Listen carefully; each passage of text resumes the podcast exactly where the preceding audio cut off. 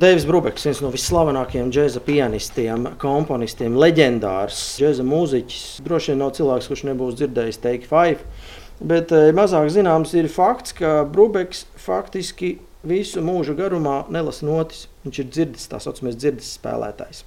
Iemesls tam ir eh, viņa bērnība, jo Brūbeks kopā ar saviem arī eh, brāļiem izauga ļoti attālā fermā. Viņš ir reāli fermera dēls.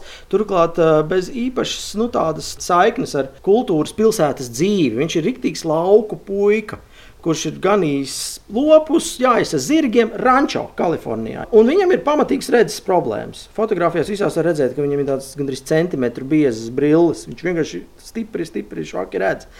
Šo iemeslu pēc praktiski viņš nespēja lasīt notis, viņam ir ārkārtīgi sarežģīti. Turklāt viņa māte bija tā, kas viņam mācīja mūziku, jo mamma bija profesionāla pianiste mājmācības ceļā mācīja viņam šīs klavieres, tīrača, un tā tas arī gāja. Un tad, kad viņš iestājās sākumā koledžā, vēlāk universitātē, tad tā bija vislielākā problēma, jo viņš ir, protams, ļoti talantīgs, ļoti muzikāls, ko visi pasniedzēji uzreiz ieraudzīja.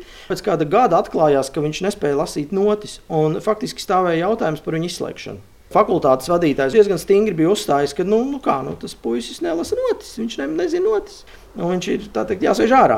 Un tad eh, ļoti daudzi pasniedzēji īstenībā iestājās par viņu, sakot, burtiski, ka nu, viņš ir viens no vistalantīgākajiem studentiem, kāds mums jebkad ir bijis, un ka mums ir jāturpina viņš izglītot, un ka tas būtu ļoti milzīga kļūda viņu tagad izslēgt dēļ šī viena fakta, jo tas nekādi faktiski neiespaido viņa muzikālās izpausmes. Un tā Brūbeks, jā, Brūbeks varēja turpināt mācības šī universitātē. Pēc tam viņa iesauca kara dienestā, viņš karoja Otrā pasaules karā Eiropā. Atgriezās atpakaļ un turpināja mācības. Un, viens no universitātes pasniedzējiem vēlāk, kas viņam bija ļoti tuvs arī dzen, draugs un kolēģis, bija Dārījus Šmjo, protams, kas ir milzīgs iespējas Brūbekam, muzikālais iespējas. Un, Tas ir tāds, man liekas, ļoti interesants fakts, jo, ja klausās Brūbekā ārkārtīgi sarežģītās, komplicētās kompozīcijas, tad nevienam neprātāk nevar ienākt. Viņš praktiski viņš spēlē no dzirdes. Viņš, protams, zināja notis, ja, bet viņš nebija spējīgs īsti nu, tā, teiksim, lasīt no lapas tekoši. Viņš praktiski mācījās pēc dzirdes to visu.